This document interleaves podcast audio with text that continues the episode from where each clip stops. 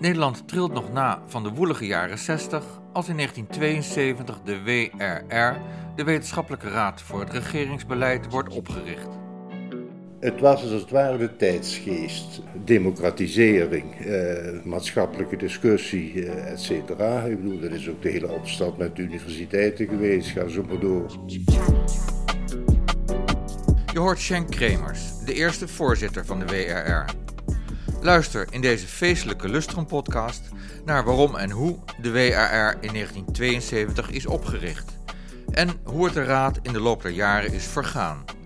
Op een kalme zee of soms op woelige baren.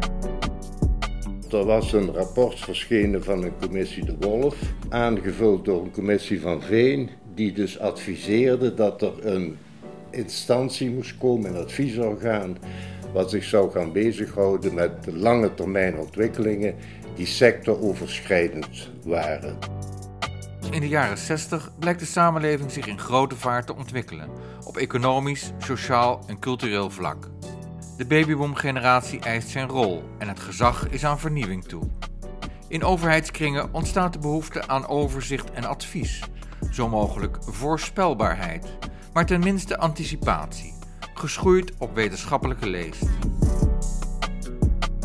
En die op te richten WRR moet worden geleid door Schenk Kremers, op dat moment werkzaam als hoogleraar aan de Katholieke Universiteit Nijmegen. Ik werd dus gevraagd om dat te doen door het kabinet Biesheuvel. Hij heeft zich dan in Nijmegen al bewezen als een man die mensen met uiteenlopende visies bij elkaar kan brengen. Hoe doet hij dat? Heel stuk meebuigen om dan die totaliteit op een acceptabele manier in een koers te krijgen. En dat heeft redelijk goed gewerkt. Schenk Kremers is een van de zes voorzitters van de WRR die een bijdrage hebben geleverd aan deze productie. De zes van elf die nog onder ons zijn. Zij vertellen over het functioneren van de WRR in hun tijd, de adviezen die ze hebben gegeven, de samenwerking met de regering en andere partijen en de tegenwind die ze soms hebben ervaren. En vooral, wat speelde er in hun tijd?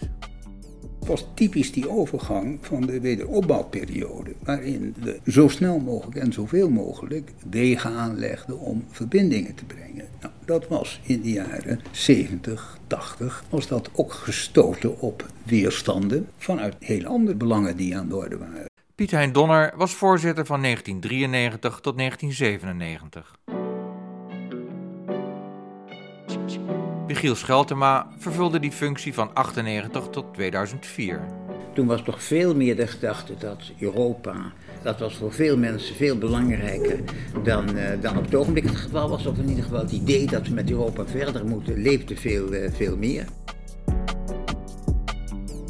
Daarna nam Wim van der Donk het stokje over. Die, die reacties zijn vaak interessant omdat je mensen eigenlijk vraagt na te denken over een wereld die ze zelf nog niet zien. Die in 2009 André Knotneres verwelkomde als nieuwe voorzitter. Om je in te leven hoe voorstellen landen in de samenleving. Je zou dat een soort beleidsempathie kunnen noemen. En dat is in de Hoge Haagse torens uh, geen a priori gegeven. André Knotneres is in 2017 opgevolgd door Corine Prins, de eerste vrouwelijke voorzitter van de WRR. Ik zat ooit op zolder met Pieter Winsemius en die zei tegen mij, Corine, twaalf wetenschappelijke aanbevelingen, maar hoeveel komen er aan de overkant van de Hofvijver? Want als je de tien uh, naar de overkant stuurt, dan landen er vijf in de Hofvijver en slechts vijf over de Hofvijver. Welke vijf geraken aan de overkant? En dat heeft heel veel van doen met het gesprek voeren. Maar terug naar het begin in 1972. Wat stond Schenk Kremers in den beginnen te doen? Ik moest dus daar beginnen met het vinden van een aantal mensen waarvan ik dacht, daar zou je het mee kunnen van de grond krijgen.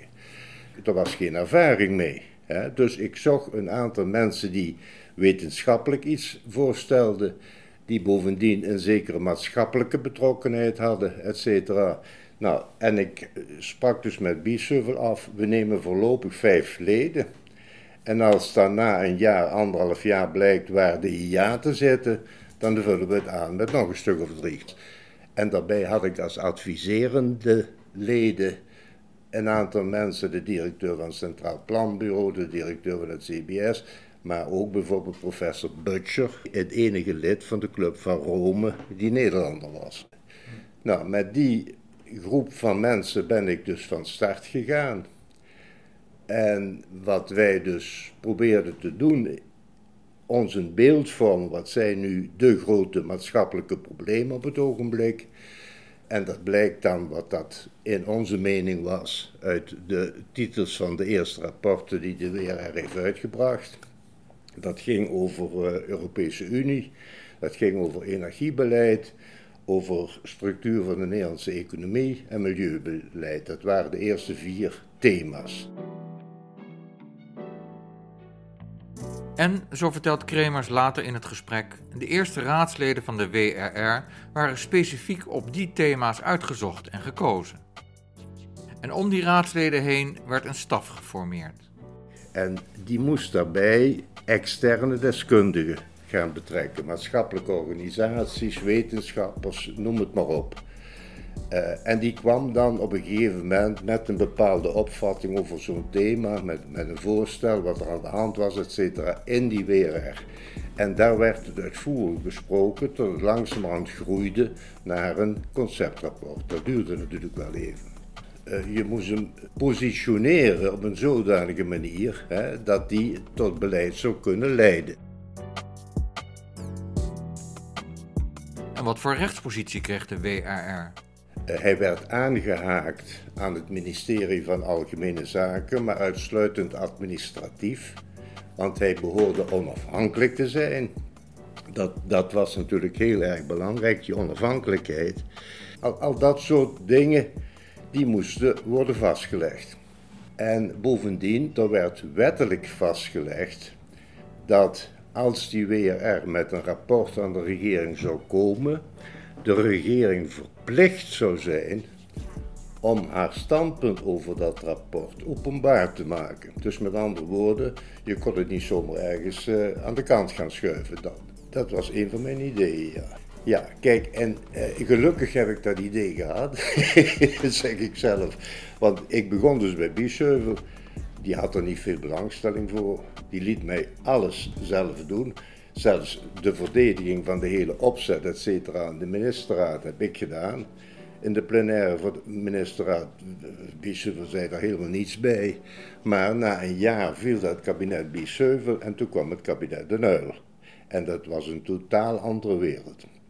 Want De Nuil interesseerde zich werkelijk optimaal in die WRR.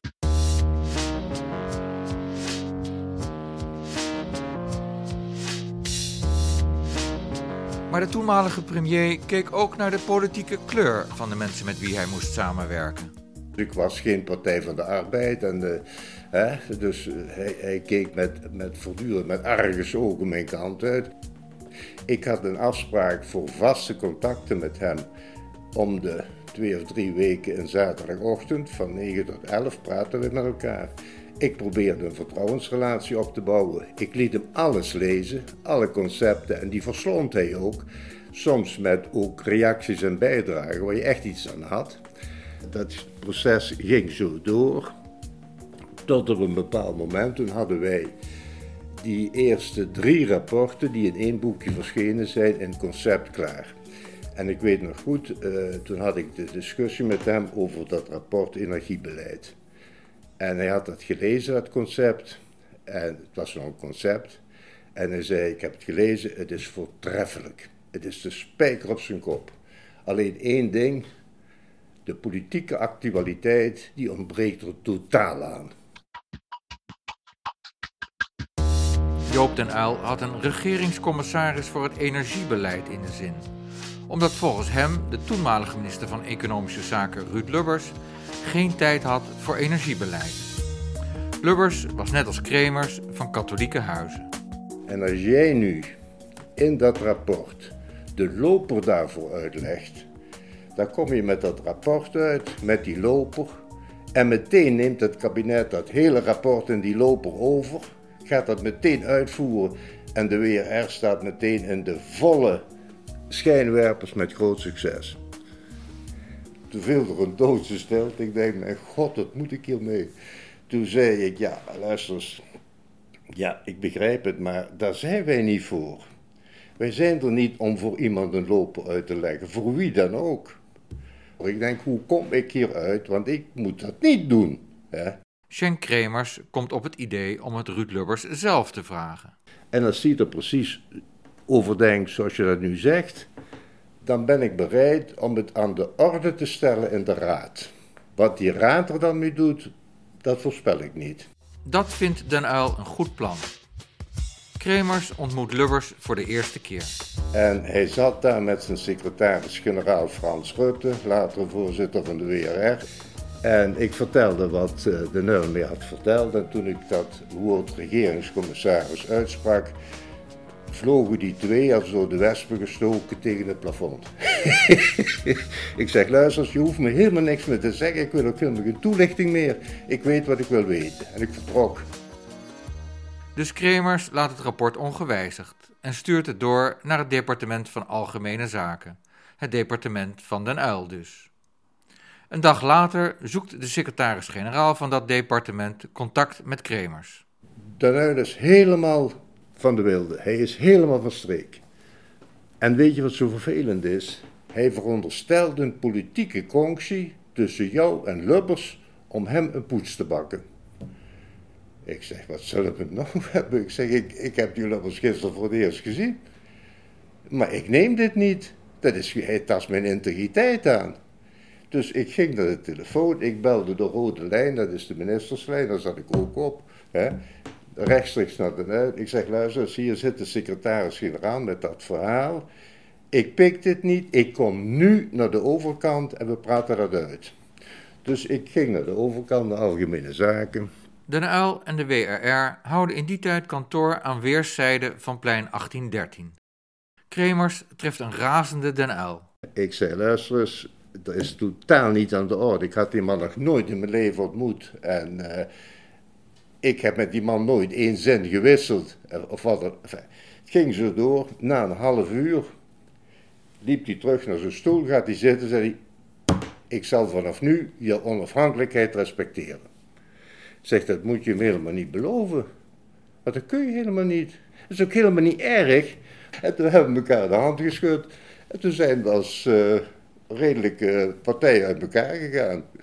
Dat was het begin van een relatie met hem op een manier dat die onafhankelijkheid van die WRR ja, toch zijn vorm gekregen had. Het zou overigens ook het einde van de onafhankelijkheid betekend hebben als het anders gelopen was.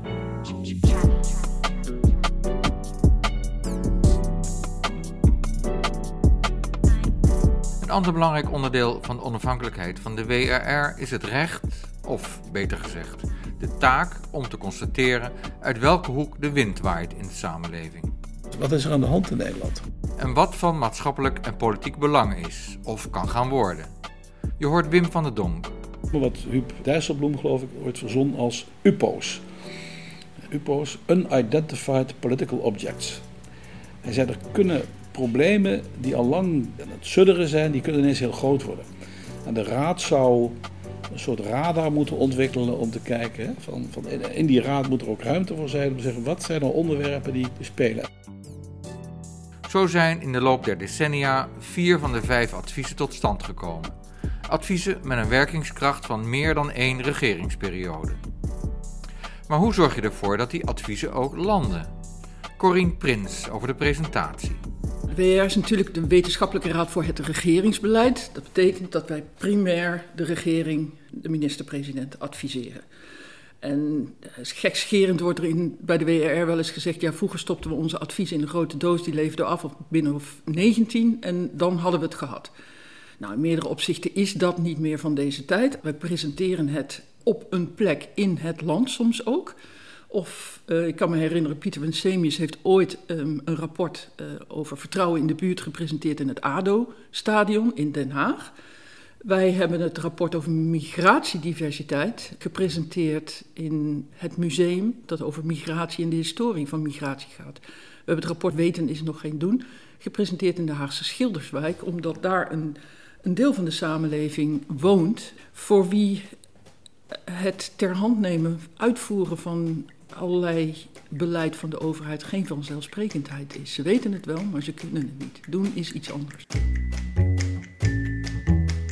Dat, dat was een buurthuis. Daar liepen gewoon mensen voor een cursus X of Y binnen. Uh, en wij stonden daar uh, nog wat na te praten. En dat bood gewoon direct eigenlijk ook de mogelijkheid om een gesprek aan te knopen.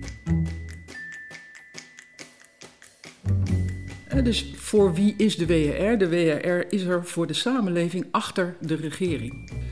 We hebben het rapport um, Opgave AI gepresenteerd op het jaarcongres van ECP. Eigenlijk het platform, samenwerkingsverband van bedrijven, overheden op het terrein van digitalisering.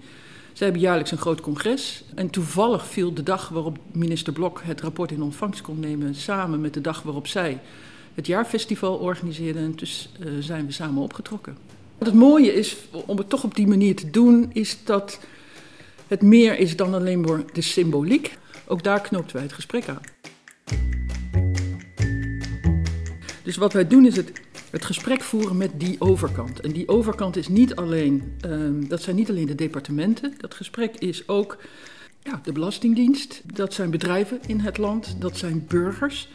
Het maatschappelijk middenveld. Eigenlijk alle projectgroepen trekken het land in om hun oor te luisteren te leggen. Dus wetenschap, het vertalen van wetenschap naar beleid, is, is een kernfunctie. Maar het moet wel kunnen aanhaken bij beleid. Hoe komt de agenda van de WRR tot stand? Luister naar Wim van der Donk, die van 2004 tot 2009 voorzitter was. Daarna was hij 12 jaar commissaris van de Koning in Noord-Brabant. En nu is hij rector magnificus en voorzitter van het college van bestuur van Tilburg University. Maar zijn baan bij de WRR was achteraf gezien de moeilijkste uit zijn carrière. Waarom? Je voelt een enorme verantwoordelijkheid voor het kiezen van de goede thema's je hebt schaarse capaciteit. Dus heb ik altijd nog spijt dat we toch niet iets met pensioenen gedaan hebben. Moeilijk ook omdat je met, uh, nou ja, laat ik zeggen, uh, vijf, zes, zeven hoogleraren en een buitengewoon intelligente staf elkaar werkelijk tot op de laatste regel en komma de nieren proeft. En een wetenschappelijk panel voorzitten, dat is toch te doen, want je zou kunnen zeggen, uiteindelijk is de discussie duidelijk en is het wetenschappelijke inzicht gerijpt, voltooid.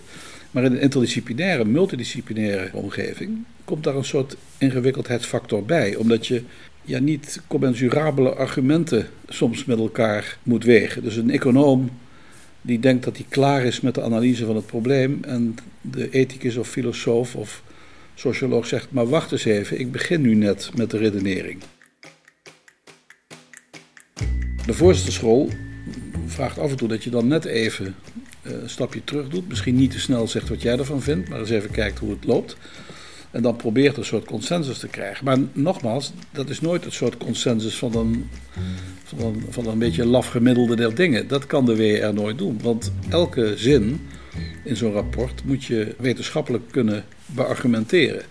Dus je kunt niet zeggen, nou dan, hè, jij hebt een beetje gelijk en jij hebt een beetje gelijk. Ja, dat is niet het soort werk dat de WR doet. Behalve dat de wetenschappers het met elkaar eens moeten worden, dient ook de verbinding met de gebruikers van een advies te worden gezocht. Wat heb je nodig voor de vertaalslag van wetenschap naar beleid? Wetenschappelijke inzichten enerzijds, maar professionele ervaringskennis uh, van de professional op de werkvloer. Hoe, hoe wordt beleid uitgevoerd? Waar loopt men tegenaan? Is eveneens een cruciale uh, voor ons. Uh, zowel bij het begin van een project gaan we het land in. En vanuit het nieuwe perspectief dat we willen inbrengen, spreken wij wederom met het veld. Zijn die uitkomsten waardevrij? Vanuit de politiek, politieke overtuiging en politieke overwegingen is die waardevrij. Maar als ik naar wetenschap kijk, dan zijn wetenschappelijke uitkomsten in heel veel gevallen zeker niet waardevrij. Als een econoom armoede meet, dan heeft hij allereerst vastgesteld wat de maat is van armoede. Dus de maatvoering is al een oordeel. Kijk, uiteindelijk, wij, wij adviseren de regering. En het is aan de regering om op basis van ons advies keuzes te maken. Wat gaan we wel doen, wat gaan we niet doen? Op welke wijze kleuren we deze adviezen van de WR nader in? En waar gaat de WRR anno 2022 in concreto mee aan de slag? En hoe? Ik denk als we naar de huidige agenda van de WRR kijken, dat zo'n 20% gevraagd advies is en 80% ongevraagd. Um, wat betekent dat dan, gevraagd advies? Dat betekent dat wij met een adviestraject bezig zijn naar aanleiding van een adviesaanvraag van het kabinet. En onderliggend is soms een motie van de Tweede Kamer. Dan kijken wij daarnaar en dan zeggen we gaan we dit doen, ja of nee? Uh, vanuit verschillende vragen hebben wij meerwaarde hier, ja of nee? Past het bij onze taakopdracht? Soms zijn dit hele concrete um, issuetjes voor de korte termijn, omdat de Kamer er niet uitkomt. Ja, dat gaan we dus niet doen. Maar soms, een mooi voorbeeld is het rapport dat wij vorig jaar presenteerden over de houdbaarheid van de zorg. Is een adviesaanvraag echt gericht op de lange termijn, maar zeggen wij, het perspectief vanuit waar u uw vraag stelt, is voor ons nog net niet helemaal uh, hoe wij het zien. Dus we agenderen eigenlijk zelf de vraag nog eens. En in dit geval, wat hebben we gezegd, het gaat niet alleen over financiële houdbaarheid van de zorg. Het gaat over personele houdbaarheid van de zorg. Hebben we nog voldoende mensen op termijn? En, heel belangrijk, het gaat over maatschappelijke houdbaarheid. Hoe lang blijft die solidariteit voor het systeem dat we nu met elkaar hebben opgetuigd uh, in stand in de samenleving als het op een gegeven moment onbetaalbaar wordt? Kortom, je hebt de samenleving nodig voor die houdbaarheid van de zorg. Zo is het passen en meten tussen de wensen van de regering en de doelopdracht van de WRR. Uit de tijd van Michiel Scheltema dateert een hartelijke relatie met toenmalig minister van Financiën Gerrit Zalm. Hij was ook degene die iedere keer als een rapport uitkwam, dan vroeg hij een paar mensen van de raad die verantwoordelijk waren voor het rapport, bij hem te komen en een eh, presentatie te geven aan de top van het departement, waar hij zelf ook altijd bij was.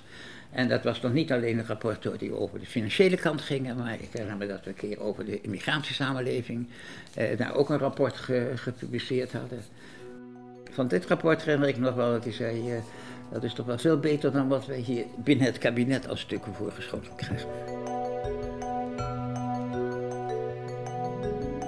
Hoe krijgt in die tijd het overleg met de regering als geheel gestalte?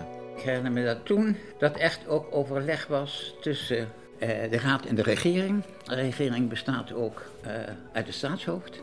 En koningin uh, Beatrix, die, die, was toen nog niet zo lang koningin, die had, het, had gezegd: Ik wil daar ook graag eens even bij zijn bij dat overleg. Dus we hebben een bijeenkomst gehad waar zij aanwezig was, de ministerraad en de, en de WR. En dat was eigenlijk een, ja, van, ook wat de koningin betreft, een levendig overleg. dat gold voor een gedeelte van de ministers en voor een ander gedeelte niet.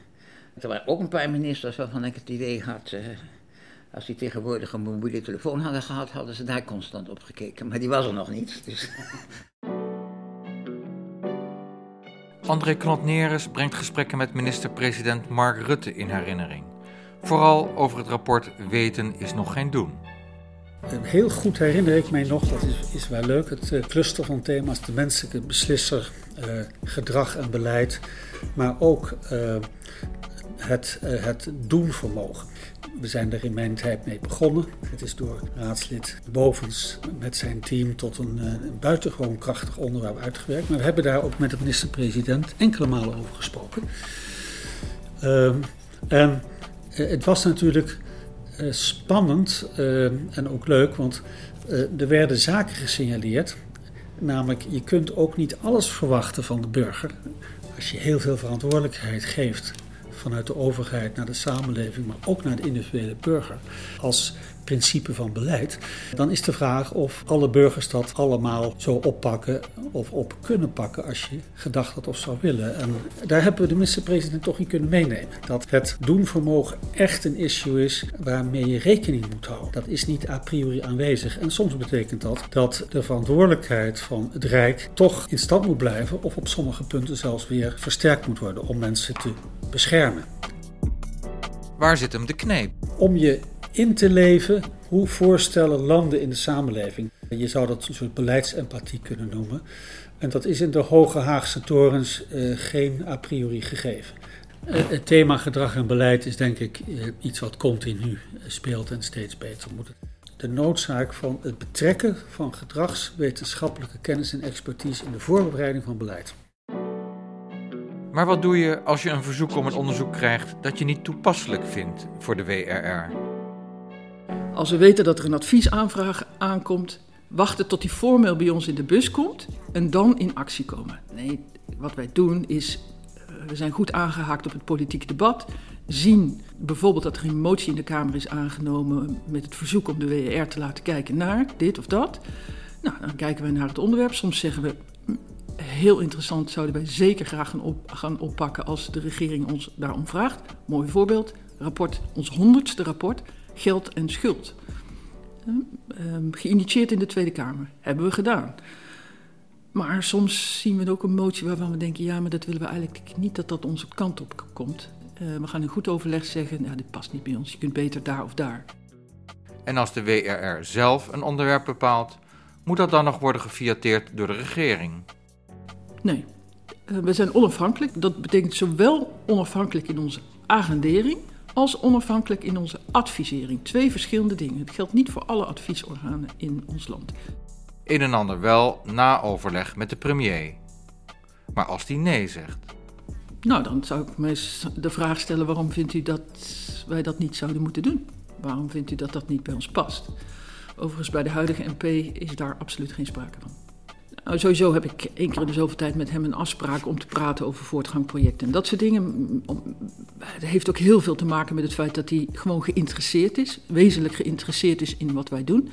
En daarnaast hebben we twee keer per jaar een formeel moment met hem. Dan komt hij anderhalf uur bij ons langs en dan praten we puur en alleen over de inhoud. En dat is, ja, ik, ik vind dat echt fantastisch. Dit is een premier die uh, ons ziet staan. Um, die, ons serieus neemt, maar ook gewoon um, echt inhoudelijk goed met ons discussieert. Alsof hij zelf met ons mee aan tafel zit. Nee, dus dan doen we een rondje onderwerpen en dan weet je echt over alles mee te praten. Ondanks alle goede relaties zijn er de afgelopen 50 jaar ook meningsverschillen geweest met de regering of het parlement. Dat kan gaan over de inhoud, over de WRR als instituut of over de poppetjes. Zo komt Piet Hein Donner in 1990 als raadslid bij de WRR in een roerige tijd. Geleidelijk aan werd ik mij bewust dat er uh, toch vrij fundamentele discussie gaande was rond de WRR, waarin van de zijde van het kabinet, of denk meer in het bijzonder van de minister-president, het gevoel bestond, ja, uh, heeft de WRR nu echt een bijdrage aan de discussie zoals we die voeren? En hebben we toch niet meer behoefte aan een orgaan wat meer actueel op inspeelt vanuit wel langere termijn economisch beleid, maatschappelijk beleid, in aanvulling op rapporten die we van het SCP en het CPB krijgen. En die discussie was al bleek toen uh, vergaand gevoerd tussen de toenmalige voorzitter, uh, de heer Rutte, en de heer Lubbers. Toen dat bleek, uh, ontstond er toch enigszins, in ieder geval binnen de WRR, een crisis, maar ook in de verhouding met de regering. Nou, dat heeft geleid tot een discussie met zowel de heer Lubbers als de heer Kok. Gevolg daarvan was dat ja, toch die plannen toen van tafel zijn uh, gegaan. Dat had ook uh, tot gevolg dat ik toen vrij snel daarna uh, werd gevraagd of ik vicevoorzitter van de WRR zou willen worden. Juist om enerzijds wel uit te voeren ideeën over een afslanking van zowel de ondersteuning als ook van de raad zelf. En in de tweede plaats, ja, om toch leiding te geven, omdat er wel een zekere vertrouwenscrisis was ontstaan tussen de voorzitter en de andere leden van de raad. Waar kwamen die ideeën van een koerswijziging en afslanking vandaan? Dit was ook de tijd van de woestijnwet, eh, waarin alle adviesraden alle colleges en alle overlegcolleges eigenlijk nog eens de nieren werd geproefd en een heel groot gedeelte ook werd afgeschaft. Het is een heel netwerk van adviesraden, overlegorganen, wat ontstaan is in de opbouwperiode.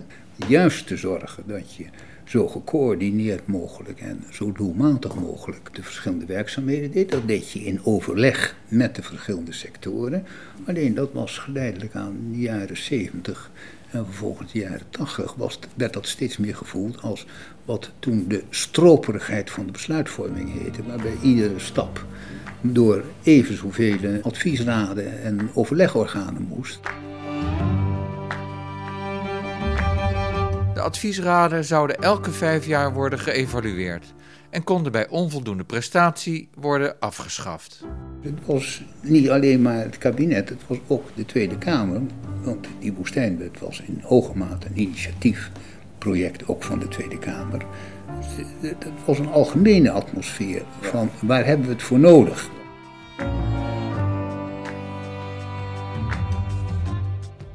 Maar waar kwam die naam Woestijnwet vandaan? Precies wat bedoeld was, namelijk een kaalslag. Maar die wet is er gekomen. Er zijn een heleboel uh, adviesorganen zijn toen verdwenen. Hoe heeft de WRR deze kaalslag kunnen overleven? Zij het met een beperkte inkrimping van raad en staf een van de belangrijkste punten was om de WRR niet als adviescollege ingeschaald te krijgen, maar op gelijke voet met het SCP en het CPB als onderzoeksinstelling die ook adviezen opleverde. Dat is toen gelukt. De heer Donner zal zich daar niet voor op de borst kloppen. Nee, dat is de verdienste geweest. Ook toen van de adviezen die we uh, hebben uitgebracht. Maar bovendien van de veranderingen die we ook hebben doorgevoerd. Want uh, zeker in die uh, periode. Er is veel meer gebruik gemaakt van deskundigheid buiten de raad. Om opener te zijn. Er is ook in de staf vaak gewerkt met gerichte detachering voor bepaalde projecten wat voor die tijd veel minder gebruikelijk was.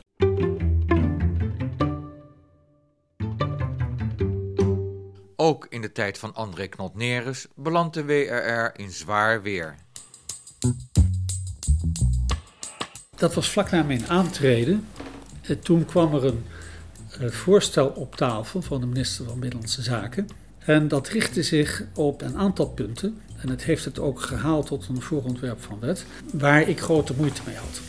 Het eerste was, uit een oogpunt van doelmatigheid kunnen we beter eh, alle domeinspecifieke adviesraden, adviesraden op het gebied van diverse ministeries, onder één paraplu brengen, namelijk de WR, waarbij de WR-voorzitter de voorzitter wordt van de leden die eigenlijk de voorzitters van de domeinspecifieke adviesraden zijn.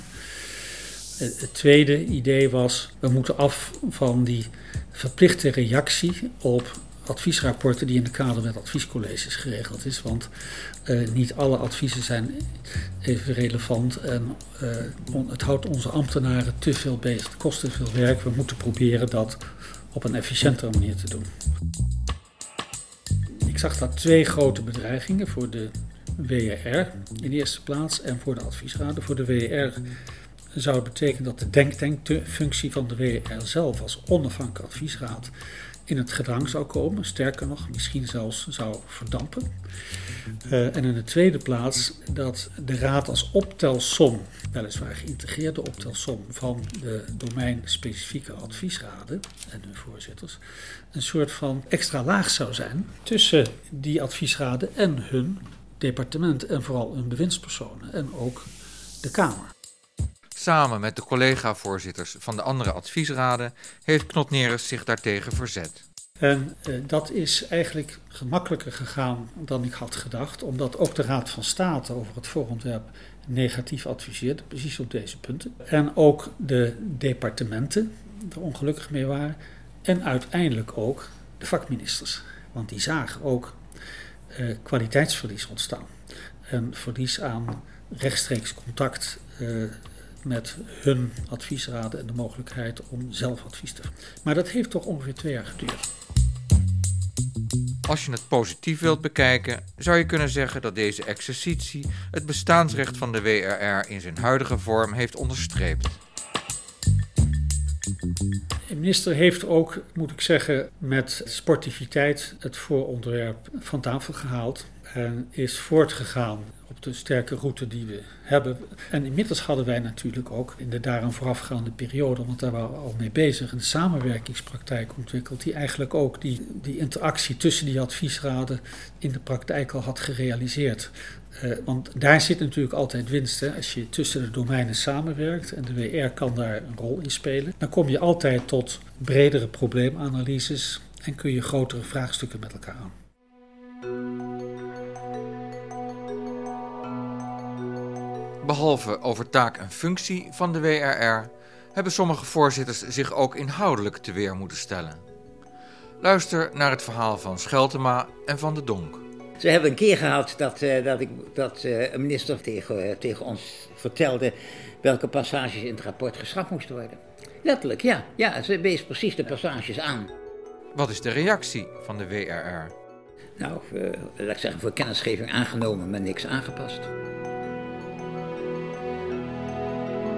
De WR is heel duidelijk in zijn onafhankelijkheid, dankzij ook een artikeltje of een woordje in de wet op de WR, de voorlopige wet en daarna de definitieve wet op de WR, waarin staat dat de Raad zijn werkprogramma vaststelt na overleg met het kabinet, niet in overleg. Het stond er eerst. En in overleg suggereert dat het kabinet invloed heeft op de keuzes. En misschien zelfs een bepalende invloed. Dat is dus niet het geval. En na overleg betekent je legt wel voor, maar uiteindelijk gaat de raad beslissen in de volle raad in de vergadering: dit zijn de onderwerpen waarmee we aan de slag gaan. En ik heb een moment gehad dat ik die wet letterlijk in mijn rug als steun voelde toen een hoge ambtenaar van het departement van Onderwijs en Wetenschappen, waar mediabeleid eh, onder viel, zich meldde toen dat programma in de ministerraad lag. Dat werd natuurlijk voor de ministers voorbereid. En die zei: Ja, meneer Van der Donk, dit is toch een beetje onhandig dat de WR naar mediabeleid gaat kijken. Want. Uh, ja, publieke omroep en zo. Nou, het zinderde van de politieke belangen. Nou, dat was ons natuurlijk wel bekend, maar dat was niet de issue. Wij vonden dat de grondslag van het mediabeleid en de huidige mediawetgeving volstrekt onvoldoende klaar was voor de nieuwe mediawereld die je al zag aankomen als je bijvoorbeeld heel voorzichtig naar de technologie keek. En de goede man zei me, ja meneer Van Donk, bovendien zegt hij, u stelt hele gevaarlijke vragen. En toen heb ik gezegd, nou vriend, ik, uh, leest u de wet op de WR er nog eens op na, hè, want dat beslissen we echt zelf.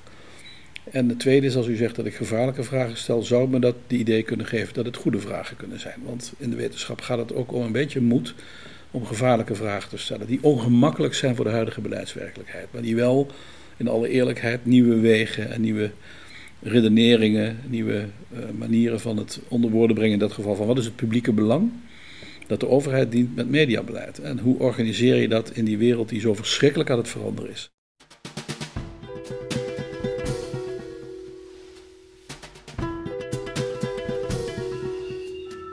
Is Van den Donk tevreden over hoe de aanbevelingen van de WRR zijn overgenomen? Zijn er dingen die we, die we sterker hadden moeten aanzetten? Ja, dat, dat moeten anderen doen. Ik denk dat we een aantal hele goede rapporten gemaakt hebben waarvan als de aanbevelingen misschien iets meer in het debat waren doordrongen, dat, dat er misschien betere uitkomsten, betere beleidsuitkomsten waren geweest.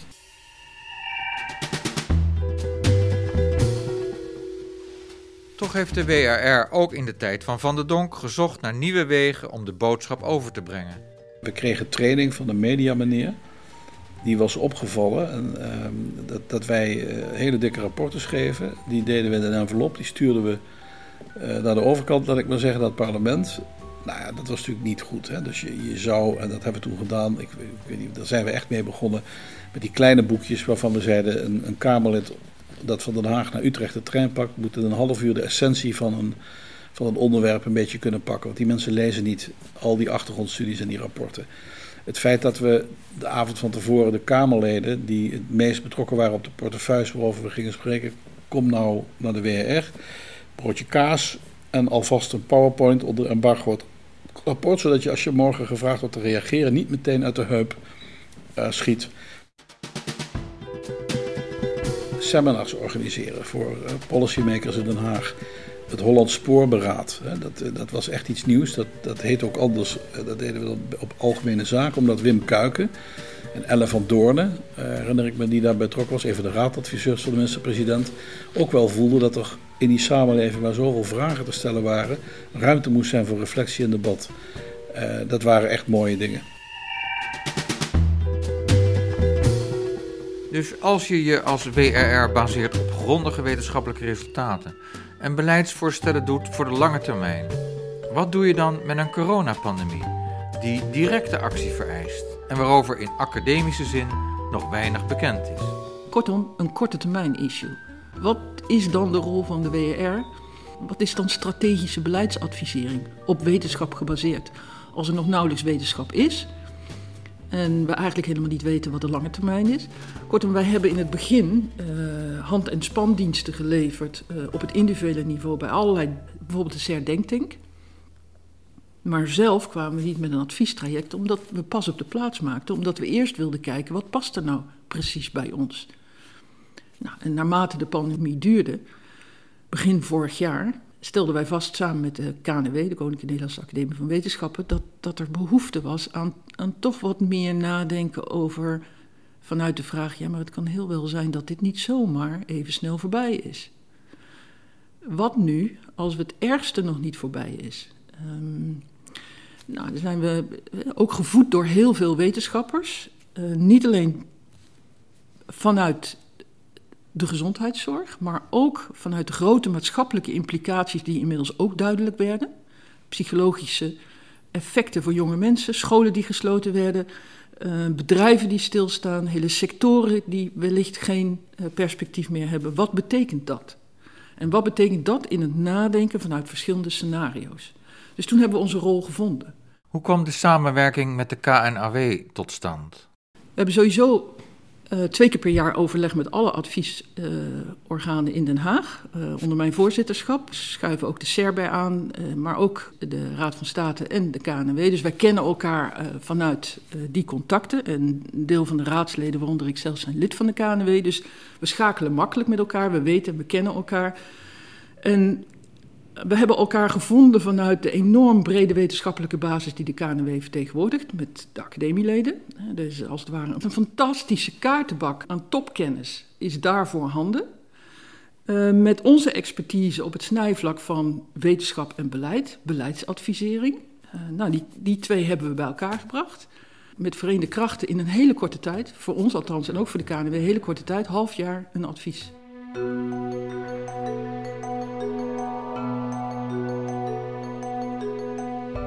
Nederland is geen eiland.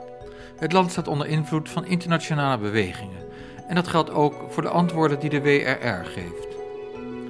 Hoe hebben Michiel Scheltema en André Knopneres die invloeden ervaren?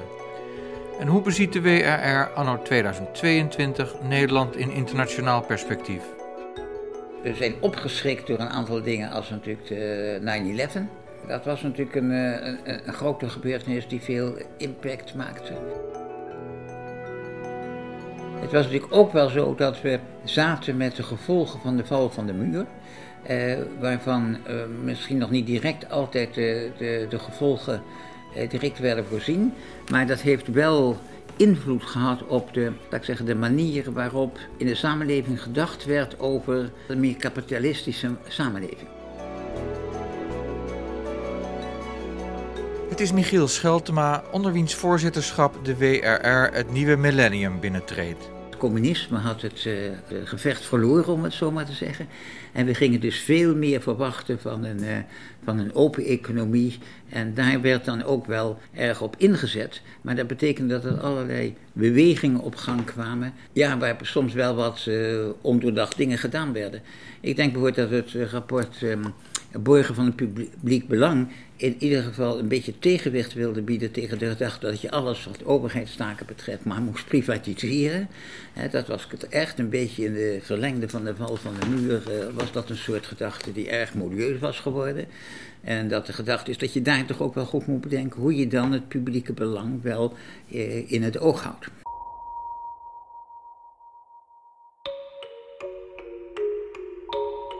Die economische crisis was behoorlijk stevig. We moeten wel zeggen dat uh, internationaal vergelijkend gezien Nederland daar best goed doorheen gekomen is. André Knot-Neres wordt voorzitter van de WRR in 2010, als de gevolgen van de financiële crisis nog voelbaar zijn. Maar de vraag deed zich wel voor: moeten we niet opnieuw kijken naar, zoals we het aanvankelijk noemden, hoe Nederland zijn brood verdient, het verdienvermogen. En gaandeweg bleek bij de analyse dat het om een veel bredere thematiek ging.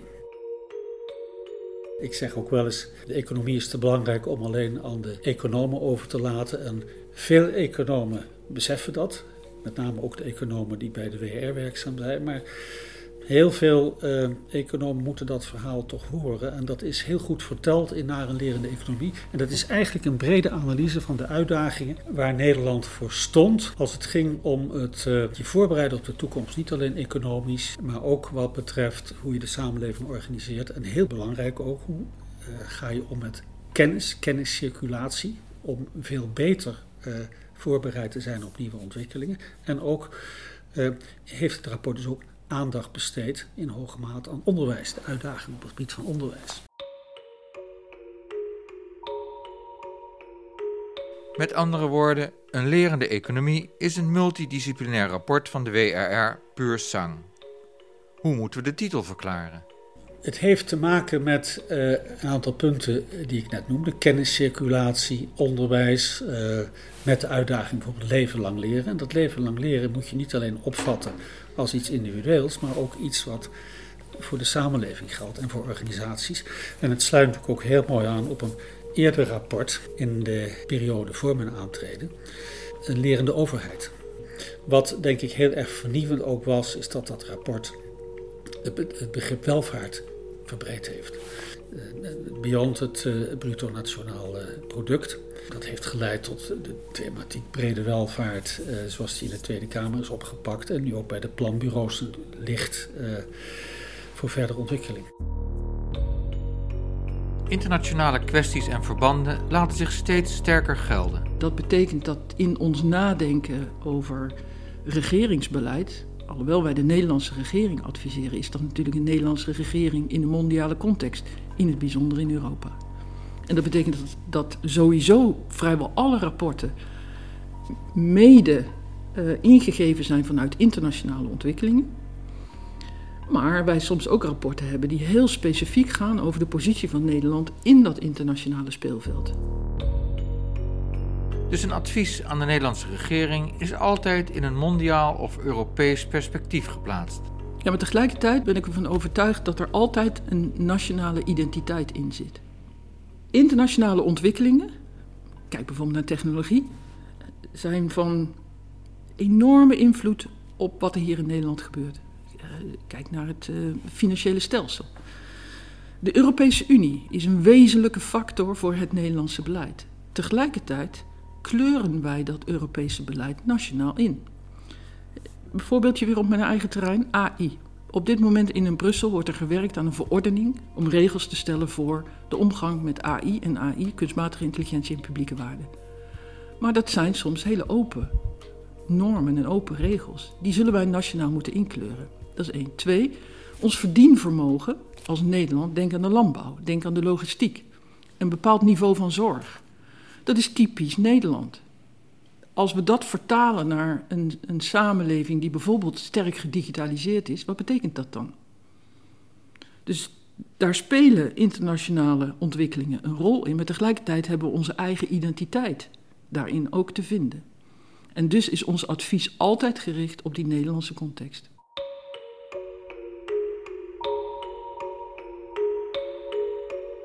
Dus we hebben de afgelopen jaren echt sterk ingezet op internationalisering. Enerzijds om uh, onze contacten in andere landen te verstevigen, om goed en ook wetenschappelijk gefundeerd te kunnen ophalen uit die landen. Het moet geen cherrypicking uit verschillende landen worden, het moet wetenschappelijk gefundeerd zijn. En tegelijkertijd zijn we ervan overtuigd dat een aantal van onze rapporten ook meerwaarde heeft voor andere landen. En dat betekent dat wij inmiddels onze rapporten vertalen in een open access bij Springer. Gewoon online op onze website te downloaden, alles in Engels. En op het moment dat er zo'n publicatie verschijnt, organiseren we vaak iets met een partner in het buitenland.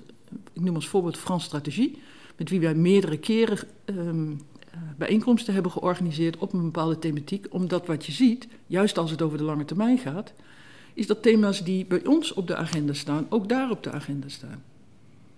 En dat brengt ons samen, ook vanuit de inhoud. En we leren van elkaar. En we inspireren elkaar. Een aantal rapporten van de WRR is de revue al gepasseerd. Sommige van die rapporten komen niet alleen op het moment van verschijnen van pas, maar ook later. Zo is in de tijd van Piet Hein Donner het rapport Besluiten over grote projecten aangevraagd door het kabinet. Waar kwam die behoefte vandaan? Kijk, het was typisch die overgang van de wederopbouwperiode, waarin we zo snel mogelijk en zoveel mogelijk wegen aanlegden om verbindingen te brengen. Nou, dat was in de jaren 70, 80, was dat ook gestoten op weerstanden vanuit heel andere belangen die aan de orde waren. Ruimtelijke ordening, milieubelangen. En die discussie had tot gevolg dat iedere keer wel er een, met veel aplomb een besluit kwam van en nu gaan we dit zo doen. Maar dat dat besluit vervolgens versnipperde in eh, een heleboel kleine beslissingen, waarbij in iedere afzonderlijke beslissing potentieel het hele project weer aan de orde kon komen. Het algemeen belang dreigt een restpost te worden bij het tegemoetkomen aan al die deelbelangen. De WRR stelde drie fases van besluitvorming voor. Structureer het nou dat je eerst een principebesluit neemt, dat je vervolgens over concreet besluit over een project waar je het uh, over hebt. Dat er dan een moment komt waarbij je zegt, ja en nu is het go. Dat betekent niet dat daarmee alle andere belangen moeten wijken, maar dat je vooral daar dan eventueel compensatie voor zoekt, maar dat niet het project zelf meer alles of niets wordt. Dus dat het helemaal vanwege het bezwaren op het allerlaatste punt het hele project eventueel stil kan komen te liggen. Een van de projecten waar dat speelde was de Betuurlijn, die opgezet was. Het idee van we moeten een verbinding hebben met het Duitse achterland. Ja, dat was op een goed moment uh, was dat geboren. Maar vervolgens werd dat opgedeeld in stukjes lijn die aangelegd moesten worden. En voor ieder project ja, moest er uh, vergunningen komen voor de geluidsoverlast bij die woning en de geluidsoverlast daar. Hetzelfde hadden we bij de hogesnelheidslijn. En dat waren dan nog projecten waar iedereen ook het gevoel had, ze moeten er komen. Zodra dat algemene nationale gevoel al veel minder was, konden projecten nog veel langer duren. Dat leidde ertoe dat in die jaren politici over de grenzen heen keken en naar Frankrijk keken en zeiden van moet je eens kijken, eh, die leggen daar in Arnhem-koers leggen die daar een uh, hoge snelheidslijn van Lille naar Parijs. Uh, en dat ding ligt er. Terwijl wij dus bezig waren om te onderzoeken hoe dit nou in Frankrijk in elkaar zat en wie ons daar meer over kon vertellen, bleek ons dat op hetzelfde moment vanuit eh, de Franse regering of vanuit Franse onderzoekers er onderzoek plaatsvond naar hoe Nederland het nou deed. Want wat wij niet zagen was dat die hoogsnelheidslijn door Noord-Frankrijk, die werd aangelegd dwars door boerenland waar de boeren er alleen maar belang bij hadden om dat eventueel aan de staat te verkopen. Omdat het vermoedelijk daar meer opbracht dan uh, wanneer ze het gewoon uh, zouden verkopen. Maar dat de Fransen bij het doortrekken van de hoogsnelheidslijn door de Rhônevallei uh, in 20 jaar geen meter opgeschoten waren. omdat dat voor het eerst was dat ze met een hoogsnelheidslijn door een dichtbevolkt gebied moesten gaan.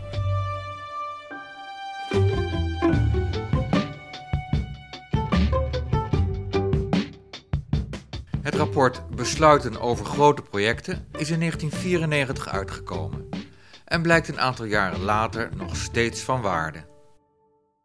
Toen we in 2008 in de financiële crisis terechtkwamen en het nodig was om een aantal van die projecten te zorgen dat die ook snel tot stand konden komen om werkgelegenheid te creëren, je toen de crisis- en herstelwet gekregen hebt, die in wezen volgens het patroon van uh, het WRR-rapport die besluitvorming over de projecten heeft opgezet. Ik zat toen in het kabinet en heb toen gezegd: er ligt nog een goed rapport van de WRR. Ik weet niet of het echt materieel heeft bijgedragen. hoe is het rapport in de tijd ontvangen? Zoals al die rapporten, je kreeg een antwoord van de regering. Van, eh, nee, er zitten goede dingen in. En die doen we al. En er zitten ook een aantal dingen in, daar moeten we nog eens over nadenken. Uh, tegelijkertijd, een BNR-rapport is ook niet geschreven om onmiddellijk vertaald te worden in beleid, maar is geschreven om geleidelijk aan vertaald te worden in beleid. En dat merk je bij een groot aantal van de rapporten, althans een groot aantal, maar toch een substantieel aantal van de rapporten, dat dat ook daadwerkelijk het gevolg is.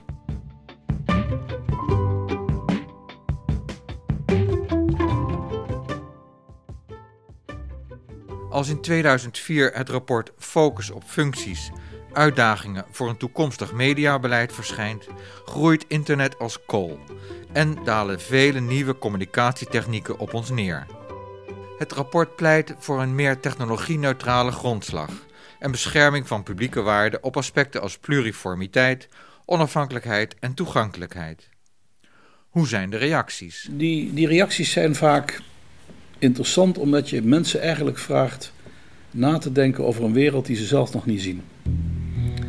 Ik weet nog dat de journalist van de Telegraaf mij vroeg: um, Meneer Van Donk, wat gaat er nu gebeuren als de regering de aanbevelingen niet opvolgt? En toen heb ik gezegd: U kunt er gerust op zijn dat het toch allemaal gaat gebeuren. Want een van de boodschappen was ook dat het voor overheden steeds moeilijker zou worden om regie op zo'n medialandschap te voeren. Dat, dus je moet je verhouding tot dat hele medialandschap anders gaan definiëren. Wil je iets van een realistische verbinding ermee houden?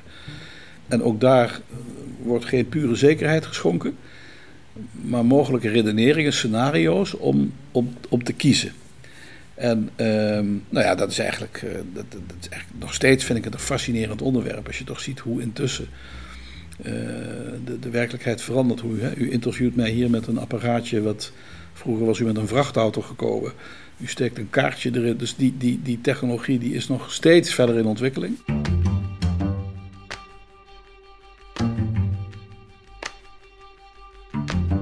En zo heeft de WRR te maken met een zich immer ontwikkelend onderzoeksveld, waar de raadsleden en de stafleden zo goed mogelijk op proberen te anticiperen. Aan de oud-voorzitters de vraag waar zij nu onderzoek naar zou willen doen. Piet Hein Donner. De effecten van digitalisering op het functioneren van de overheid. Omdat er al te makkelijk wordt gedacht dat ja, eigenlijk wetgeving en uitvoering van wetgeving precies hetzelfde is als wat een computer doet.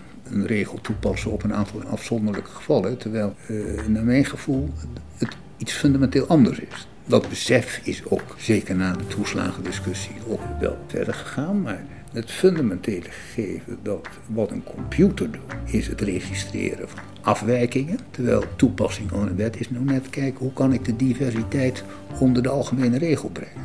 En dat is een heel ander proces. Michiel Scheltema.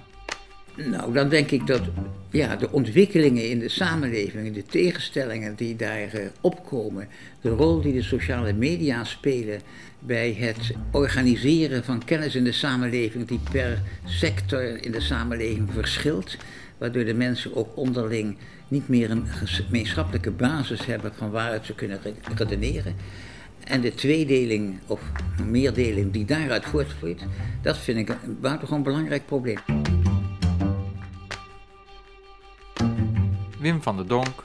Ik, ik ben nu een tijdje rector magnificus voorzitter van het college van de universiteit. En, uh, nou, het is fantastisch uh, wat we mogen doen. een wereld in zichzelf. En we hebben internationale studenten hier. We hebben een discussie over hoeveel er dat kunnen zijn en zo. Ik, ik vind dat Nederland eigenlijk wel behoefte zou hebben aan een aan een wat ontwikkelde visie hoe wij ons kennis- en onderzoekslandschap in de wereld gaan positioneren. Wat is onze internationaliseringsstrategie hier? In een wereld die compleet aan het veranderen is. André Knot-Neres toch nog eens kijken naar de, de bijdrage die de Raad zou kunnen leveren aan de inrichting van onze democratische rechtsstaat in de toekomst. Op zo'n manier dat je een modern bestuur mogelijk maakt met behoud van de essenties van wat we met elkaar in de grondwet hebben afgesproken. De grondwet misschien op een aantal punten nog wat moderniseert, wat geen sinecure is en tegelijkertijd ook kijkt hoe ga je nou om met moderne vormen van burgerparticipatie, lokaal, maar ook nationaal. Hoe integreer je daar bijvoorbeeld de sociale mediamogelijkheden in? Hoe ga je om met de toenamende versnippering in kleinere partijen?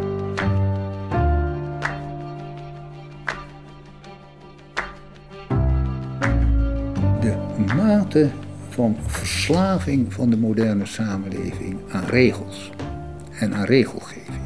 Eh, en dat is niet alleen maar de overheid die alles in regels moet eh, zetten, maar dat is de hele zorg, de protocollen eh, waar iedereen naar werkt. en dat heeft diverse motieven. Ook je indekken tegen fouten. En daarom kom je ook van daaruit bij de bredere vraag: hoe gaan we om met fouten in de samenleving? En met name met fouten die de overheid maakt. We gaan er bijna blindelings vanuit dat dingen goed gaan. En zeker als we ze in een regel hebben gezet, dat als je die regel nou maar naleeft, dat de dingen dan goed gaan. Terwijl dat pertinent niet zo is. En als er nou ergens een bewijs van is, dan is het de huidige pandemie. Waar iedereen zegt van ja, zeg me nou, geef me nou duidelijkheid, geef me nou zekerheid. Mag ik open of mag ik niet open? Twee ja mensen, het is van je eigen gedrag afhankelijk. En ook dat is niet voorspelbaar hoe dat zal gaan. Nee, dit is zoals het leven in werkelijkheid is. Namelijk in hoge mate onvoorspelbaar. En daar moeten we mee leren leven.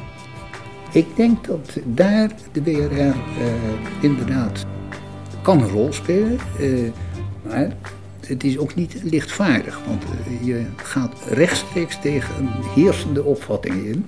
En zal dat lukken een WRR niet altijd.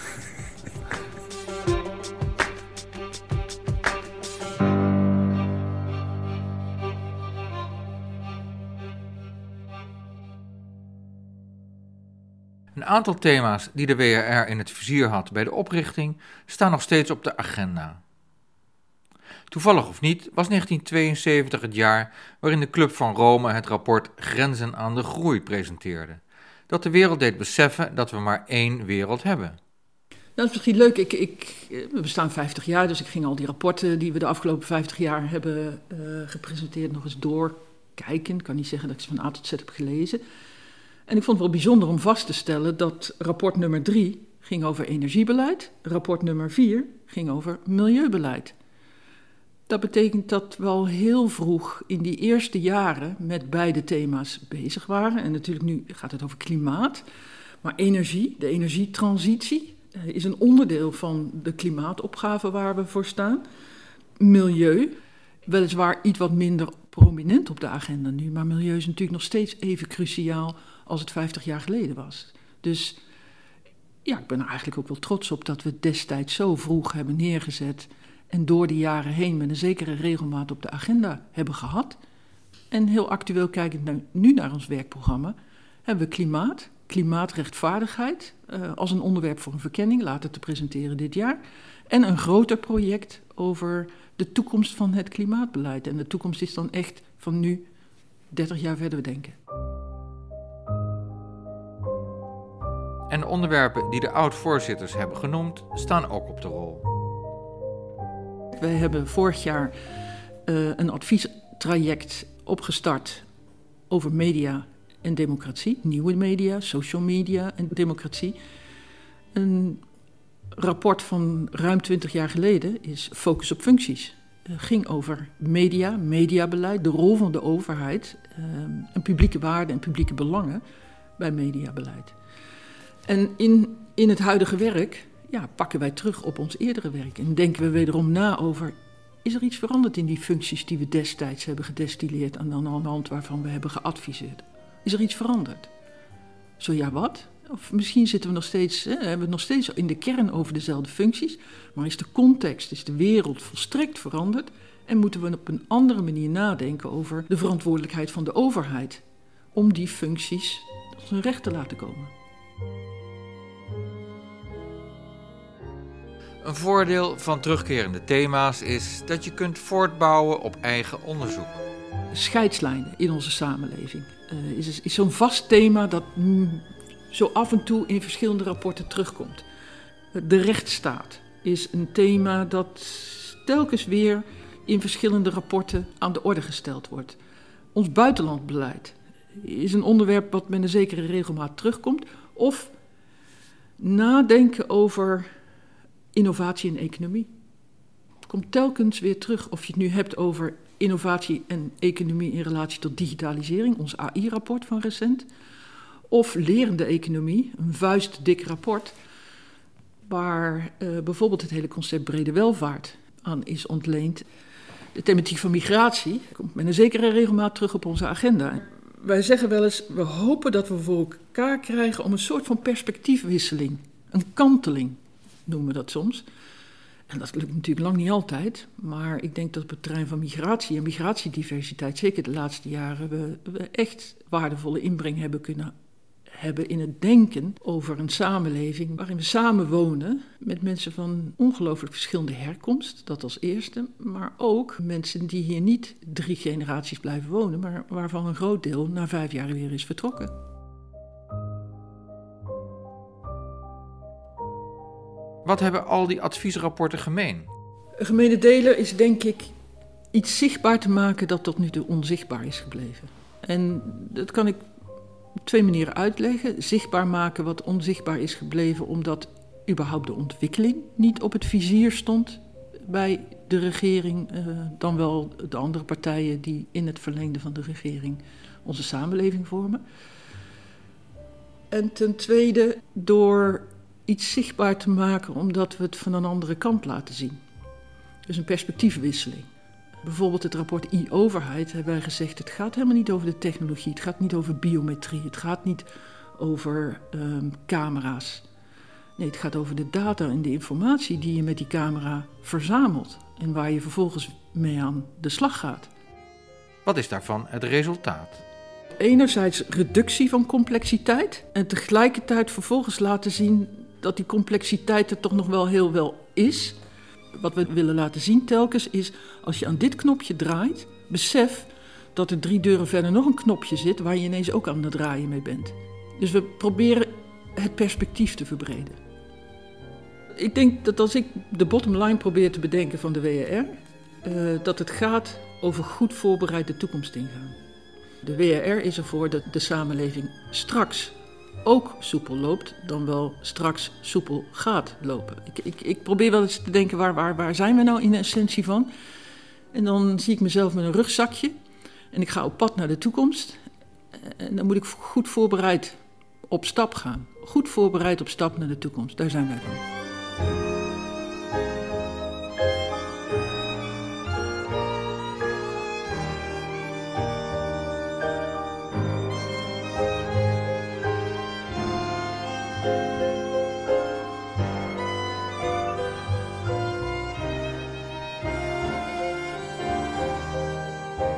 Dank voor het luisteren naar deze Lustrum podcast van de WRR.